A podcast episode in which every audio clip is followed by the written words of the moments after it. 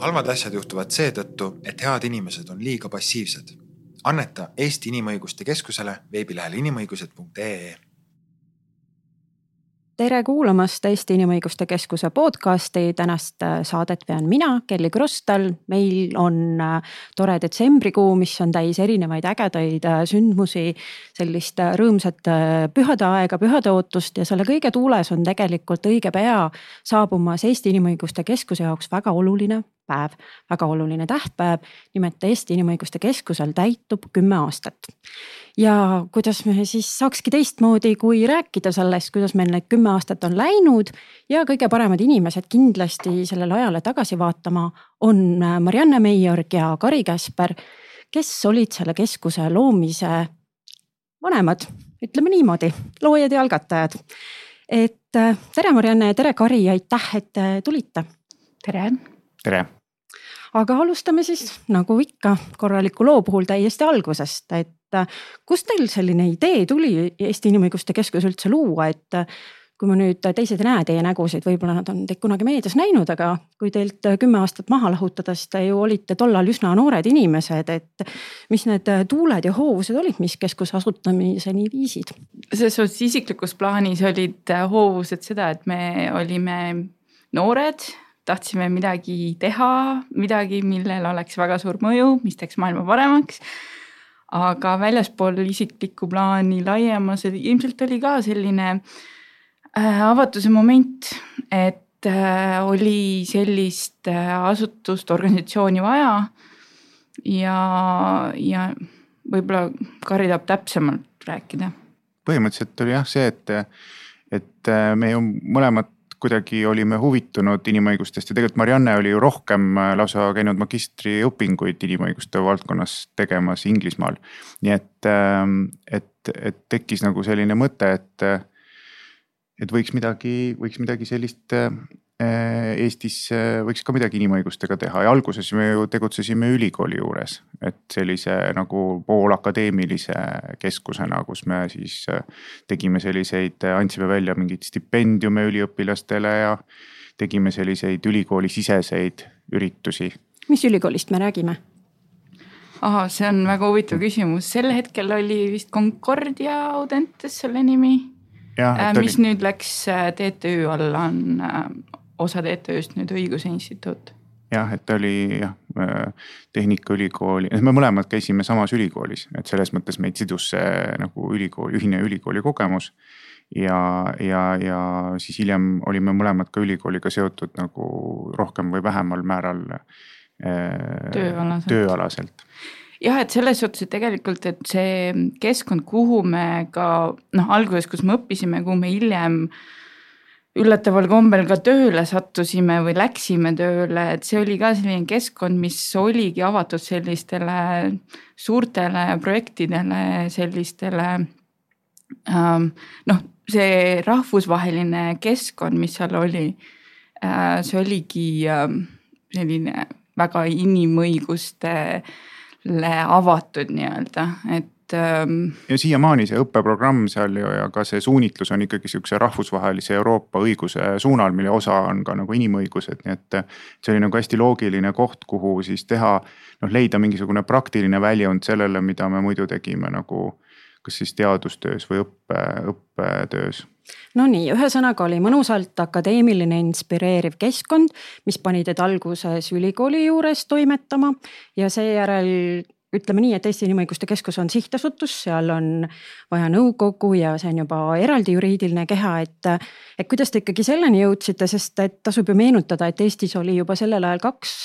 äh, nii-öelda inimõiguste valdkonnas tegutsevat äh, vaba ühendust olemas, et, äh, et miks siis sellel hetkel oli vaja kolmandat, et kas oli teil tunne, et on mingid teemad, mingid küsimused veel õhus, mida need kaks teist organisatsiooni sellel hetkel ei täitnud? No meil mingis mõttes oligi, äh, me tegime ka ühega nendest organisatsioonidest koostööd alguses päris äh, lähedalt, aga mingi hetk meil tekkiski, esiteks meil tekkis vajadus ikkagi ülikoolist väljapoole kasvada, kuna meie tegevused olid äh, väga suures osas ka mitteakadeemilised ja me arvasime, et võib-olla ülikool ei ole see kõige parem keskkond tingimata, kus neid teha. noh, näiteks erinevus rikastab kampaania, selline asi aga, ja siis me mõtlesimegi tegelikult äh, ikka aasta-kaks isegi, et mis me teeme, et kas täiesti eraldi asutus või ühineme. noh, meil tuli kõne alla muidugi ainult üks, kellega võis üldse ühineda ehk Inimõiguste Instituut, teine ähm, inimõiguste organisatsioon oli ju ähm, Inimõiguste Teabekeskus, jah äh,. noh,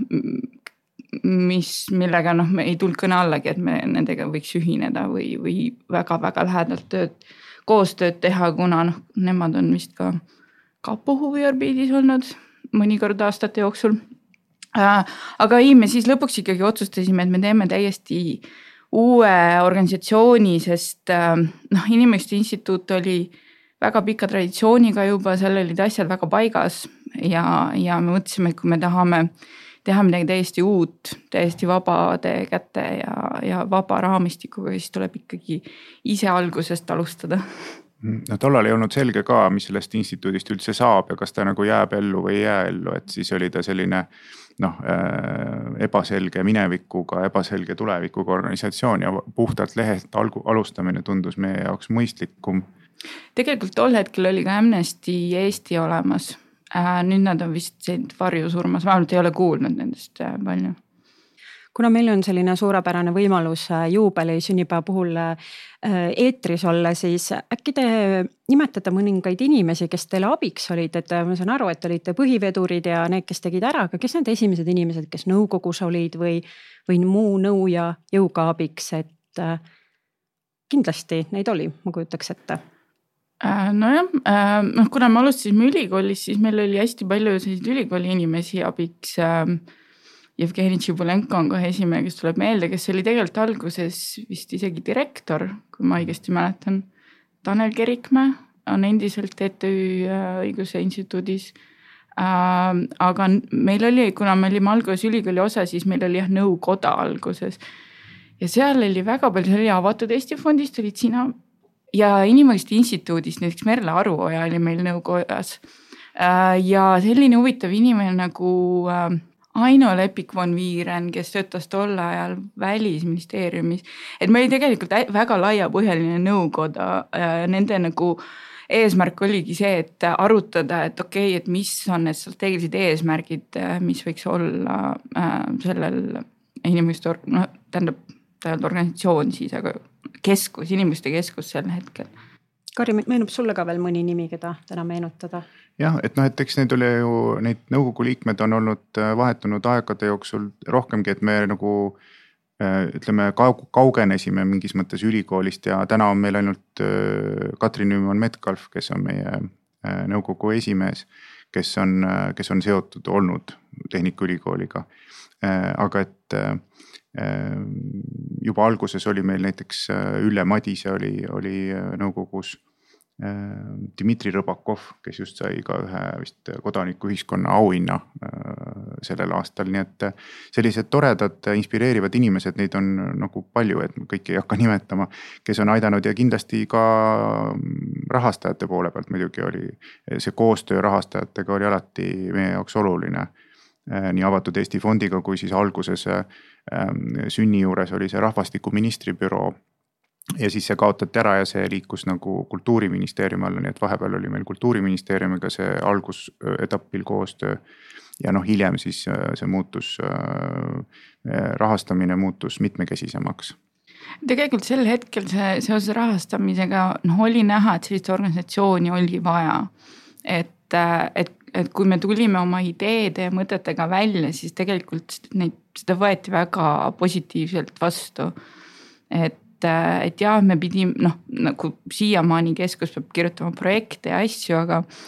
aga et selles suhtes oli näha, et vastuvõtlikkus sellele äh, projekt, sellistele projektidele oli, oli päris suur, et, et see. et ilmselt ilma jah, nende algusaastate avatuseta võib-olla Eesti ühiskonnas üldiselt ei, ei oleks see keskus sellisel kujul praegu olemas võib-olla korraks jääme veel isikute tasandile, et kui Kari on siis Eesti Inimõiguste Keskusjuhataja tänaseni, siis sina, Marianna, oled tegelikult juba mitu aastat Inimõiguste Keskusest ära, oled liikunud sellisele huvitavale maastikule nagu andmekaitse ja, ja, ja töötad eksperdina. aga kui te nüüd mõtlete tagasi, kas kümme aastat või veel varemasele ajale, et mis teie isiklikus elus või teie haridustees, et miks teile need inimõigused üldse nii korda läksid, et veel enne, kui, kui sai pitser pandud äh, sihtasutuse loomisele. et noh, eriti selles kontekstis, et täna me pigem nagu näeme seda, et võib-olla inimõigust ei ole see kõige popim ja ägedam teema, mida kõik ilmtingimata õppima tahaks minna või selles valdkonnas töötada noh, selles, seda sai Kari juba mainis, et see ülikool, kus me tulime, et jah, et ähm, et see oli rahvusvaheline keskkond ja seal oli, inimõigused oli üks kohustuslik ala, ehk siis niikuinii me kõik pidime seda õppima. ja noh, tänu sellele tõenäoliselt oli ka see esimene kokkupuude mul selle, selle valdkonnaga. ja sealt ma läksin edasi õppima magistrit, äh, siis Inglismaal ka oli inimõigusi õppisin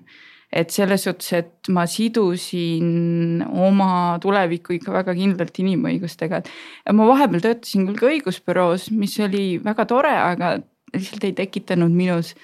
selliseid kirgi või, või noh,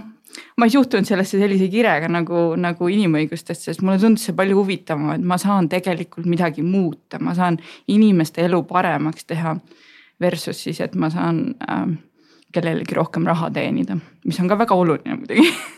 Minul, minul oli veel see, et äh, mul oli veel tegelikult varem see inimõiguste teemaga kokkupuude tegelikult keskkooli viimases klassis, kus ma käisin äh, Gustav Adolfi gümnaasiumis ja oli võimalus minna sellisesse kohta nagu Euroopa Noorteparlament, kus siis üle, üle Euroopa tulid noored kokku äh, erinevates linnades üle Euroopa ja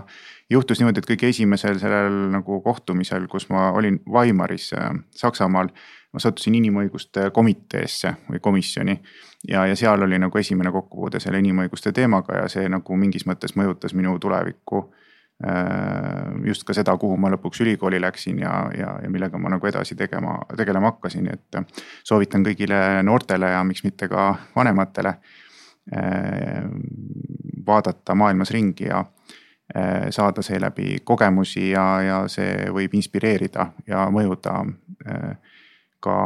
ka tuleviku jaoks. ma tegelikult oma poolt võib-olla promoks ka seda ringi liikumist maailmas, siis tegelikult see otsus, et ma lähen inimõigusi õppima magistri tasemel. Äh, see tegelikult tekkis mul, kui ma läksin ka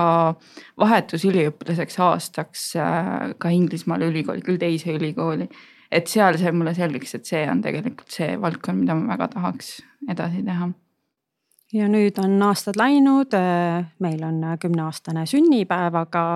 selle tänase kogemuse ja teadmise pealt äh, ma paluks teil veel korraks tagasi mõelda, et, et kui mõelda sellele kõigele algusele ja kulgemisele, et millega te olete eriti rahul või võib-olla, mida te teeksite oma tänase kogemuse ja teadmise pealt teisiti, et ma mõtlen just eelkõige seda, et et terve selle kümne aasta jooksul on ju ilmselt olnud vaja seada prioriteete ja teha valikuid, et mis on läinud eriti hästi ja mille puhul mõtleks võib-olla oleks pidanud midagi hoopis teistmoodi tegema? no minu puhul on kindlasti see, et hästi on läinud see, et me oleme alati olnud äh, algusest peale proovisime olla strateegilised. et, et meil oli kogu aeg nagu mingisugune pikem plaan ees ja meil oli kogu aeg mingisugune selline tulevikuvaade, et me nagu nägime, kuhu me tahame liikuda, mida me tahame teha. mis, milliseid äh, valdkondi me tahame arendada ja noh, võib-olla siis kõige nagu, nagu see nagu pettumus või selline nagu kasutamata jäänud võimalus oli, et mõnedes valdkondades, kus me alguses plaanisime tegutseda, näiteks ähm, juurdepääs õigusemõistmisele või inimõiguste alane haridus. et, et need valdkonnad tegelikult ei läinudki käima, et kuigi me nagu proovisime mitmel viisil, aga seal olid sellised objektiivsed põhjused, aga need teised valdkonnad jälle, millele me ka soovisime keskenduda, et need, nendest kasvas ju väga väga suur ja, ja ütleme, lai erinevate tegevuste äh, pakett, mida me lõpuks äh, siiamaani teeme ja mis on hästi olulised ja minu meelest aidanud Eesti ühiskonnal areneda inimõiguste kaitse, suurema kaitse suunas. kasvõi rääkida mitmekesisusest, kaasatusest, diskrimineerimise kohtuvaidlustest, pagulasvaldkonnast, seal varjupaiga taotlejate nõustamisest ja kohtus käimisest ja kõigest sellest, et need on, need on nii suure minu meelest mõjuga ja olulisusega asjad. Äh, jah, et ma võib-olla lihtsalt täiendaks, et, et jah, et mulle tundub, et me oskasime nagu õigel hetkel nii nõukoja kui nõukogu kui ka äh, huvitatud gruppide kaasamisel, me tegelikult oskasime äh, leida need teemad, mis on olulised ühiskonnas ja tegelikult praegu ju ka Inimõiguste Keskus tegeleb teemadega, mis on praegu eriti aktuaalsed, noh, needsamad teemad, mida, mida Kari mainis. et nad võib-olla kümme aastat tagasi, need ei pruukinudki tunduda nii väga aktuaalsed kui nüüd. et aga noh, võib-olla kahju noh, neli aastat tagasi, kui ma, kui ma lahkusin, ma nüüd nii aktiivselt ähm, ei ole seotud, et noh, siis oli küll kahju, et äh, et me ei ole suutnud nagu rohkem rohujuure tasandil, et rohkem nagu kogukonda, kondadesse, kogukondadesse minna. et, et tekitada inimestes nagu omanikutunnet, et need, et inimõigused, et kui te räägite inimõigustest, siis te räägite minu õigustest, et. et see on miski, mida vähemalt neli aastat tagasi ma tundsin, et, et seda oleks väga vaja rohkem selle kallal töötada Karim, nüüd oleks mul ilmselt väga mõistlik sinu käest küsida, et äh, kuidas üldse Inimõiguste Keskusel hetkel läheb, et, äh, et kui me just vaatame seda tänast päeva Läheb väga hästi, et ma ei ole nagu, ma ei oleks kunagi uskunud, et me oleme kunagi sellises olukorras, nagu me täna oleme. ma mäletan siiamaani neid äh, õudusunenägusid ja kõike seda muretsemist äh, rahastuse pärast, kasvõi see, mis oli nagu, et noh, et kas me järgmise, eelmise aasta lõpul, et kas me ikkagi järgmine aasta saame jätkata või me peame nagu kinni panema uksed, sest et raha ei ole ja, ja, ja nüüd need mured on nagu, on olemas, aga nad on palju-palju väiksemad tänu sellele, et esiteks meil on äh, väga palju toetajaid, kes meile püsiannetusi teevad, kes meile äh, annetavad, kes selle läbi aitavad meid. ja, ja me oleme suutnud oma rahastust mitmekesistada ja meil on ka väga hea tiim, kellega koos me töötame, kelle, kellele nagu saab kindel olla. nii et äh, selles mõttes noh, ma ei oskaks kujutada ette paremat, paremat seisu, et ma arvan, et Eesti suuruses riigis äh, oleks nagu noh, imelik rääkida, et unistusest, et meil peaks olema, ma ei tea, viiskümmend töötajat nagu Poola sarnases organisatsioonis, et lihtsalt Eesti ongi nii väike ja võib-olla see meie suurune organisatsioon, ta võibki olla sihuke kuni kümme inimest. et see ongi nagu Eesti tingimustes äh, sobilik ja piisav, et äh, võib-olla natukene veel peaks nagu laienema ja rohkemate asjadega veidi tegelema, aga, aga liiga palju ei maksa ka teha, et, et mitte kaotada seda fookust ja jääda strateegiliseks. nii et äh, ma arvan, et äh, selles mõttes on kõik, äh, mina olen vähemalt väga rahul aga selle äärmiselt positiivse noodiga tõmbamegi saate esimese poolele joone alla mitte punase, vaid vikerkaarevärvilise, et liikuda siis saate teise poole juurde, kus me käsitleme natuke laiemalt kõike seda, mis inimõiguste valdkonnas hetkel toimub halvad asjad juhtuvad seetõttu, et head inimesed on liiga passiivsed. anneta Eesti Inimõiguste Keskusele veebilehel inimõigused.ee ka tere tulemast tagasi kuulama Eesti Inimõiguste Keskuse podcasti teist osa. külas on jätkuvalt meil Eesti Inimõiguste Keskuse loojad, asutajad, pikaaegsed juhid Marianne Meiorg ja Kari Käsper. ja saate teises pooles räägime me natuke inimõiguste maastikult laiemalt, sest oleks ju lausa patt jätta kasutamata seda võimalust, mis Eestis toimub, mis maailmas toimub ja millise pilguga me vaatame järgmisesse aastasse ma alustan äh, sellise võib-olla mitte provotseeriva, aga kui me lihtsalt mõtleme viimastele aastatele, siis me võime ilmselt julgelt öelda, et inimõigused on mingis mõttes olnud kriitika ja löögi all ja. ja, ja ma ise jagaksin võib-olla selle kriitika nii-öelda kahte siis äh, äh, sektsiooni, et ühtepidi on öeldud, et inimõiguste nõudmistega on justkui liiga kaugele mindud, et juba igal pool on, kõik on inimõigused. see sõna on isegi võib-olla ülekasutatud ja teistpidi on siis mure olnud, et äh, inimesed tihtipeale ise ei tunne, et inimõigused on nagu osa nendest, et see on justkui mingi võitlus kellegi teise abstraktsema eest, et äh, mulle endale väga meeldis Inimõiguste Nõukogu liikme, meie Inimõiguste Keskuse nõukogu liikme Märt Väljataga hiljuti siis öeldud lause, kus ta ütleb, et inimõigusluse hing kipub olema juriidiline ja bürokraatlik, isegi apoliitiline. et et äh, kuidas teie nii pikaaegse kogemusega inimesed selles valdkonnas äh, sellele kriitikale reageeriksite, et on see üldse õigustatud või on meil lihtsalt sihuke ajastu, kus populismi tuules kogu aeg on vaja midagi arvata? ma ei tea, minu meelest on see, et äh, see, et meid üldse kritiseeritakse, on minu meelest suur võit, et, et keegi, kedagi üldse huvitavad inimõigused, sest ma mäletan, et algusaegadel oli küll niimoodi, et, et nagu noh, lihtsalt õlakehitus oli, mis inimesi nagu noh, et, et see, kui noh, mina ise ka kritiseerin eelkõige siis, kui ma hoolin millestki, et kui ma, kui mind ei huvita, see kõige hullem asi on võib-olla, kui inimesi ei huvita. ja, ja kindlasti ma arvan, et selline Ehm, ma, ma olen täiesti nõus sellega, Marianne ütles seda enne ka eel, eelmises saate pooles, et. et, et noh, tegelikult ei tohiks olla inimõigused sihukese bürokraatliku mainega või sellise äh, nagu, et me kuskil oma elevandiluutornist nagu jälgime, mis olukord on, et tegelikult me peaksime rohkem olema inimeste keskel ja, ja peaksime oskama palju paremini selgitada inimestele, mis asjad inimõigused on, kuidas nad nende igapäevaelu mõjutavad ja kui, kui tähtsad nad on, et selles mõttes ma arvan, et osaliselt see kriitika on kindlasti õigustatud ja, ja ilma, ma arvan, et see kriitika on ka selles mõttes hästi kasulik, et see aitab meid nagu areneda, et kui keegi midagi ei ütle, kui keegi midagi ei kommenteeri ja, ja ma ei mõtle siin muidugi Märti äh, nii väga, kuivõrd, et neid tei, igasuguseid teisi hääli, kes on ka kriitilised. aga noh, muidugi on teistsugune kriitika, on see, kes nagu on pahatahtlik kriitika või selline kriitika, kes, äh, sellised inimesed, kes, äh, kes lihtsalt ei, ei hooli tegelikult inimõigustest, kes kuritarvitavad inimõigusi võib-olla mõnede teiste inimeste õiguste allasurumiseks või nende inimeste allasurumiseks et siis eh, noh, selle, sellist, selline kriitika meid ei huvita ja see läheb meist mööda ja meie teeme ikkagi seda, mis me arvame, et on õige teha. hoolimata sellest, mida, mida sellised inimesed räägivad Kari, sina tulid stuudiosse otse inimõiguste aastaaruande esitluselt tegelikult, et äkki sa avad ka, mis need siis Eesti inimõiguste valdkonna sellised suurimad mõttekohad aruande järgi on? no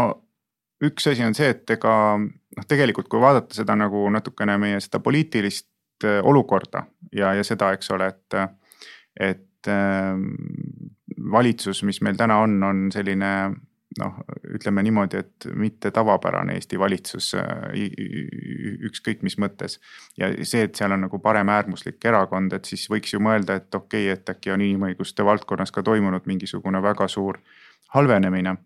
aga tegelikult äh, aruanne seda ei näita vähemalt, et nendes valdkondades, mida me oleme kajastanud, pigem on asjad läinud kahe aasta jooksul paremaks, noh, sinna on jäänud muidugi ka varasemad valitsused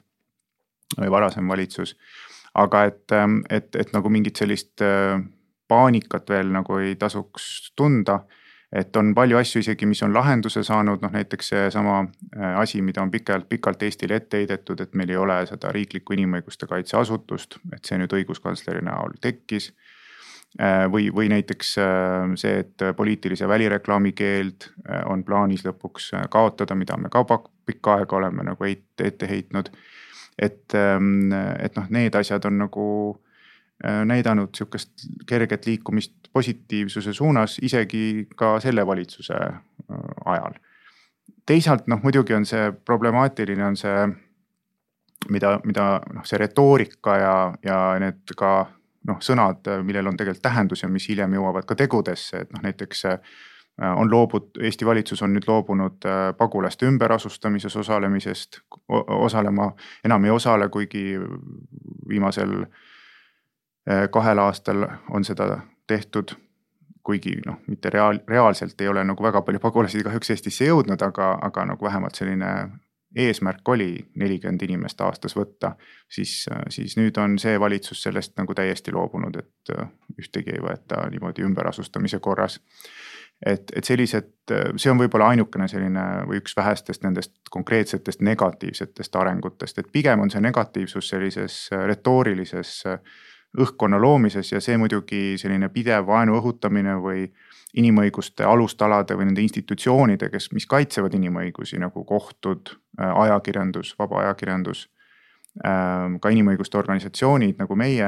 et nende vastased rünnakud muidugi pidevalt ka murendavad seda inimõiguste kaitset Eestis ja ja, ja mõjuvad nendele institutsioonidele äh, viisidel, mis kindlasti ei tee nende elu lihtsamaks tegelikult ongi omamoodi paradoksaalne see nähtus, et ka Europarameetri uuringu järgi on siis viimase nelja-viie aasta jooksul Eesti inimeste suhtumine vähemustesse drastiliselt sallivamaks läinud, et me ei räägi kümme protsenti või kakskümmend protsenti, vaid kasvõi näiteks seda, et äh, väga hea meelega nähakse kõrgeimal valitaval positsioonil naist, et see on mitu korda lausa tõusnud, et Eesti inimesed või et kas töökaaslane võiks kuuluda seksuaalvähemusse või olla teisest rahvusest, et need numbrid on müstiliselt kõrged ja me justkui nagu olekski saabunud siis sellisesse aega, et ollakse sallivamad, inimõigusi austavamad, meie inimõiguste aastaaruanne näitab ka justkui, et asjad oleks positiivsemad, ometi ma julgeks arvata, et nii äreval ajal pole ammu me pidanud elama ja kõik on justkui valmis millekski. Et ma küsikski siin, Marianne, sinu käest ka siis, et kui Kari loetles siin aastaaruande põhjal, mis need suurimad murekohad on, et kuidas sina võib-olla nagu mitte igapäevaselt inimõiguste keskel töötava inimesena tajud seda, et milline see meie olukord on Eestis? et jah, et, et minu jaoks nagu muret valmistav see, et kuhu suunas me liigume, aga teisest küljest ma ka näen, et mingil määral äh, on meil ühiskonnas ähm, selle, selle selles ärevuse keskkonnas tekkinud ka teatav selline aktivismiseeme et minul näiteks noh, ma ise osalen neljapäeval, iga neljapäev Stenbocki ees toimuvatel protestidel oma lõunatunni ajast. ja, ja mul oli äärmiselt, äärmiselt hea meel, et ka eelmine nädal, kui tekkis Kiviõli esimese keskkooli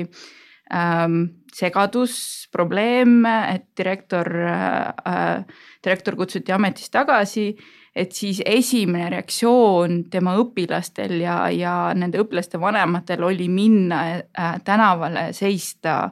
seista oma direktori ja, ja nende jaoks siis äh, parima vali-, direktori valiku eest, et, et see on miski, mida võib-olla ma ei tea aasta aega tagasi ei oleks, ei oleks juhtunud, et, et selles suhtes, et, et ühelt poolt see ärevus ja see, see suund, kuhu me läheme, on murettekitav, teiselt poolt ma näen, et ka inimeste reaktsioon on äh,, inimestel on tekkinud ka vastureaktsioon, et me ei lase lihtsalt asjadel minna sinu sõnasabast äh, kinni võttes vaatamegi äkki siis järgmisesse aastasse, et äh, mis te arvate, et kui me just mõtleme selle peale, et on need Stenbocki hommikud, meie noored on ju imetabaselt aktiivsed kliimateemadel, mis on ka inimõigustega väga otseselt seotud on välja tuldud tänavale ja järgmine aasta toimub Pride ehk seksuaalvähemuste toetuseks on korduvalt tänavale tuldud, on tuldud äh, tänavale lihtsalt, et nõuda õigusriigi säilimist. ja, ja veel väga paljudel teistel teemadel, et mis te arvate, et mis see järgmine aasta meile inimõiguste valdkonnas toob? kas äh, kõik jääb samaks, protestid suurenevad, on mingeid huvitavaid ideid või kurbi ideid? ma, mina muidugi isiklikult loodan küll, et protestid suurenevad, et ma ei, ma ei näe, et see, et see olukord, poliitiline olukord muutub ilma välise surveta, et see, seda on näidanud see aasta. et äh, aga see on nagu minu seisukohalt, kuna ma jah, ma olen sellega seotud, et äh, ma ei oska öelda, kuidas nagu keskuse sees te praegu näete. aga võib-olla ka selles mõttes laiemalt, Marianne, et kui sa vaatad lihtsalt ühiskonda ja maailma ja ka seda, mis toimub teistes riikides, et mis sa ennustad, et äh, mis inimõiguste valdkonnale see toob? ma arvan, et me oleme suhteliselt teelahkvel praegu, et äh, võib minna nii ühele kui teisele poole, noh, mina loodan, et läheb selles suunas äh, mis äh, oleks kõiki inimesi austav äh, ja konstruktiivne. Ähm, aga ma arvan, et järgmine aasta nii Eestis kui ka noh, kindlasti Suurbritannias, kindlasti USA-s saab olema see, see aasta, kus äh, tegelikult pannakse paika lähimate aastate, vähemalt lähimate aastate suund, et et, mis suunas me läheme? ma arvan, et, ähm, et, et läheb halvemaks ja läheb paremaks, et, et rohkem läheb noh, polariseerumine ilmselt äh, suureneb. et inimesed äh, mingites valdkondades on, on asjad palju, liiguvad asjad palju pare-, kiiremini, palju paremas suunas. ja mingites asjades võib-olla tekivad uued nagu probleemid, et, et noh kui nüüd vaadata Eestit konkreetselt, siis noh, selge on see, et, et mingi noh, teemad on üleval, mis puudutavad äh, seksuaal- ja soovähemusi, et tuleb rohkem õiguste eest seista nendel, kes nende teemade eest hoolivad ja noh, Inimõiguste Keskus on üks nendest kindlasti. et, et see noh, kasvõi seesama äh, abielureferendum ja, ja muud sellised asjad äh, silmapiiril tunduvad äh, noh, üpris suured väljakutsed, millega tuleb siis kuidagi tegeleda, et ei tahaks küll, et nagu sellise asja et noh, et see asi on see, millele peab nüüd aega hakkama kulutama, aga tundub, et, et see, see koht hakkab tulema, aga noh ega ei tea täpselt, mis see poliitiline olukord on. et noh, ilmselt mingisugust sihukest rahulikku vaikelu oodata ei ole. Ehm, teisalt ehm, ma arvan, et mis on äh, nagu sellised ülemaailmsed ja globaalsed äh, teemad on on noh, kindlasti jätkuvalt on see rände ja pagulaste teema, et üha rohkem noh, neid ka ütleme, see kliimapagulased ja kliima ja inimõiguste omavahelised seosed. Äh, mis, mis on nagu inimestele üha olulisemad ja, ja mis ka Eestis, ma arvan, võivad, võiksid inimestele rohkem korda minna. ja, ja muidugi minu enda selline nagu ja nüüd ka ilmselt Marianne tööalane huvi, huvi, huviteema, eks ole, et isikuandmete kaitse ja privaatsus ja kõik see, mida, mida siis need äh, äh, digitaalareng on kaasa toonud või toomas inimõigustele äh,. see milliseid muutusi infotehnoloogiline see paradigma muutus kaasa on toomas ja on juba toonud. et me näeme, kuivõrd palju see mõjutab meie demokraatiat ja igasuguseid muid valdkondi. Et, et kindlasti on see üks teema, millega ka keskus peab senisest palju aktiivsemalt äh, tegelema, sest et äh, lihtsalt seda valikut ei ole sellega mitte tegeleda, et me ei saa nagu peita ennast pea silm, pea liiva alla ja öelda, et et meid see digitaalne nagu muutus ei puuduta, et tegelikult väga paljud need äh, teemad, millega me täna tegeleme, et nad hakkavad üha rohkem sellest, sellest asjast, noh, et kui rääkida kasvõi vaenukõnest, siis noh, vaenukõne põhiliselt ikkagi toimub täna sotsiaalmeedias. Kui me räägime, kui me räägime ähm, diskrimineerimisest, siis me võiksime hakata rääkima juba diskrimineerimisest algoritmide kaudu. ja, ja kui me räägime kui me räägime pagulastest, siis, siis pagulased, nende puhul on ka igasuguseid tehnoloogilisi vahendeid, millega neid siis kas siis hoitakse eemal või, või, või, või mida nad ise kasutavad, et, et varjupaika otsida ja, ja, ja, ja saada ja ühesõnaga, et see tehnoloogia on üks sihuke võtmesõna, ma arvan, mis tulevikus üha ro veel rohkem kui seni peab, peab meie tegevuses ja üldse Äh, noh, millega me ei saa nagu, mida me ei saa ignoreerida ja me peame pigem leidma võimalusi, kuidas seda tehnoloogiat nagu kavalalt ära kasutada inimõiguste kaitseks. Äh, mitte laskma sellel nagu inimõigusi äh, uuristada või, või ignoreerida inimõigused ja tehnoloogia on kindlasti üks äärmiselt põnev teema, millega järgmised kümme, kakskümmend aastat saab palju-palju veel tegeleda ja. ja Inimõiguste Keskusel ilmselt siis on tööpõld veel väga lai, vaatamata sellele, et aruanne võib-olla leidis, et see tänane olukord isegi pole nii nutuväärne aga veel enne, kui me hakkame lõputänusõnu ütlema, on minul teile selline küsimus, et meid ootab ees kohe pühade aeg, sihukene väike aeg, kus inimesed saavad äh, hinge tõmmata. loodetavasti seda vaenu ja sellist äh, negatiivsust, mis meid ju paratamatult mõjutab, on natukene vähem. ja inimestel on selline komme juba, juba, juba sajandeid teha üksteisele kinke kas teil oleks anda meie headele kuulajatele soovitused, mida sellel äh, pühade ajal kinkida, mis äh, kannaks ka võib-olla seda inimõiguste vaimu ja inspireeriks siis, ma ei tea, vanaema või onu või, või naaber Raimondit veel rohkem inimõiguste peale mõtlema ähm,? noh jah, võib-olla minu soovitus tuleb rohkem minu enda isiklikust taustast, minu jaoks on jõulud väga perekeskne, et see on see aeg, kus ma mitu päeva veedan oma perega ja see on minu jaoks oluline et, äh, et ma ei, äh, mind nagu väga ei huvita, mis väljaspool kodu toimub sel hetkel või noh, sellel perioodil. ehk siis äh, noh, minu nagu soovitus võib-olla lähtub ka sellest, et et tegelikult tähtis on oma perega koos aega veeta, hästi aega veeta. et võib-olla need kingid teineteisele ei olegi niivõrd olulised kui teineteisele antud aeg. et ma ma ei tea, esimene mõte, mis mul pähe tekkis, oli, et teeme füüsiliste kingituste asemel, teeme annetusi. et annetame oma, oma lemmikorganisatsioonile, noh muidugi kuna inimõiguste teemaline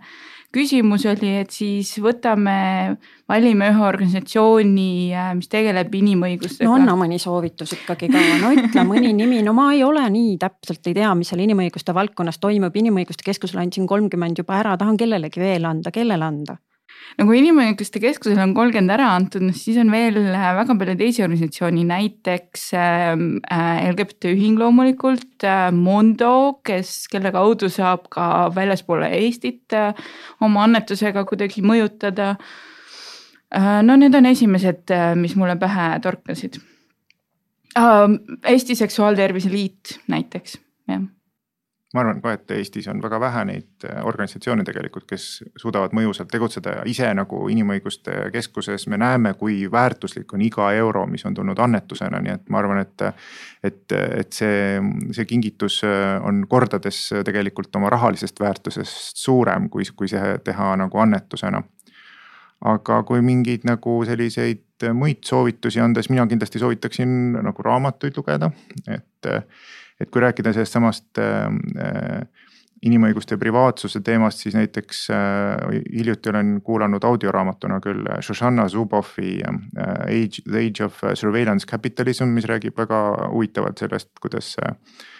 sotsiaalmeedia gigandid, eks ole, mõjutavad meie elu ja kuidas nad nagu on üle võtmas maailma või üle võtnud maailma juba erinevatel viisidel.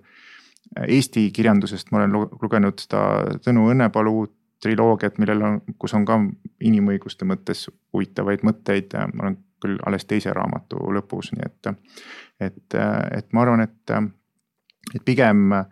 sellist vaimutoitu või, või selliseid kingitusi teha ja siis muidugi ka annetusi, jah aga suur-suur aitäh teile, Marianne ja Kari, mitte ainult selle eest, et te täna siia stuudiosse tulite, vaid loomulikult ka selle eest, et teil kaksteist aastat tagasi, kui kõik see algas, oli seda tahet ja inspiratsiooni ka kümme aastat tagasi Eesti Inimõiguste Keskusele vundament laduda, mis tänaseks on juba täitsa kenaks korralikuks majaks saanud. Ja aitäh teile ka, kuulajad, et tuletame veel meelde, et kui te soovite inimõiguste aastaaruannet lugeda, siis see on saadaval meie koduleheküljel humanrights.ee sealsamas saate meile loomulikult ka toredaid annetusi teha või suunata oma ägedaid sõpru ja naabreid ja perekonnaliikmeid seda tegema jõuluajal. ja ütleks veel lõpetuseks seda, et Eesti Inimõiguste Keskuse soov viimased kümme aastat on olla just inimõiguste sõber igaühele ja meelde tuletada, et inimõigused ongi meie kõigi omad. kaunist äh, detsembrikuud ja kuulmiseni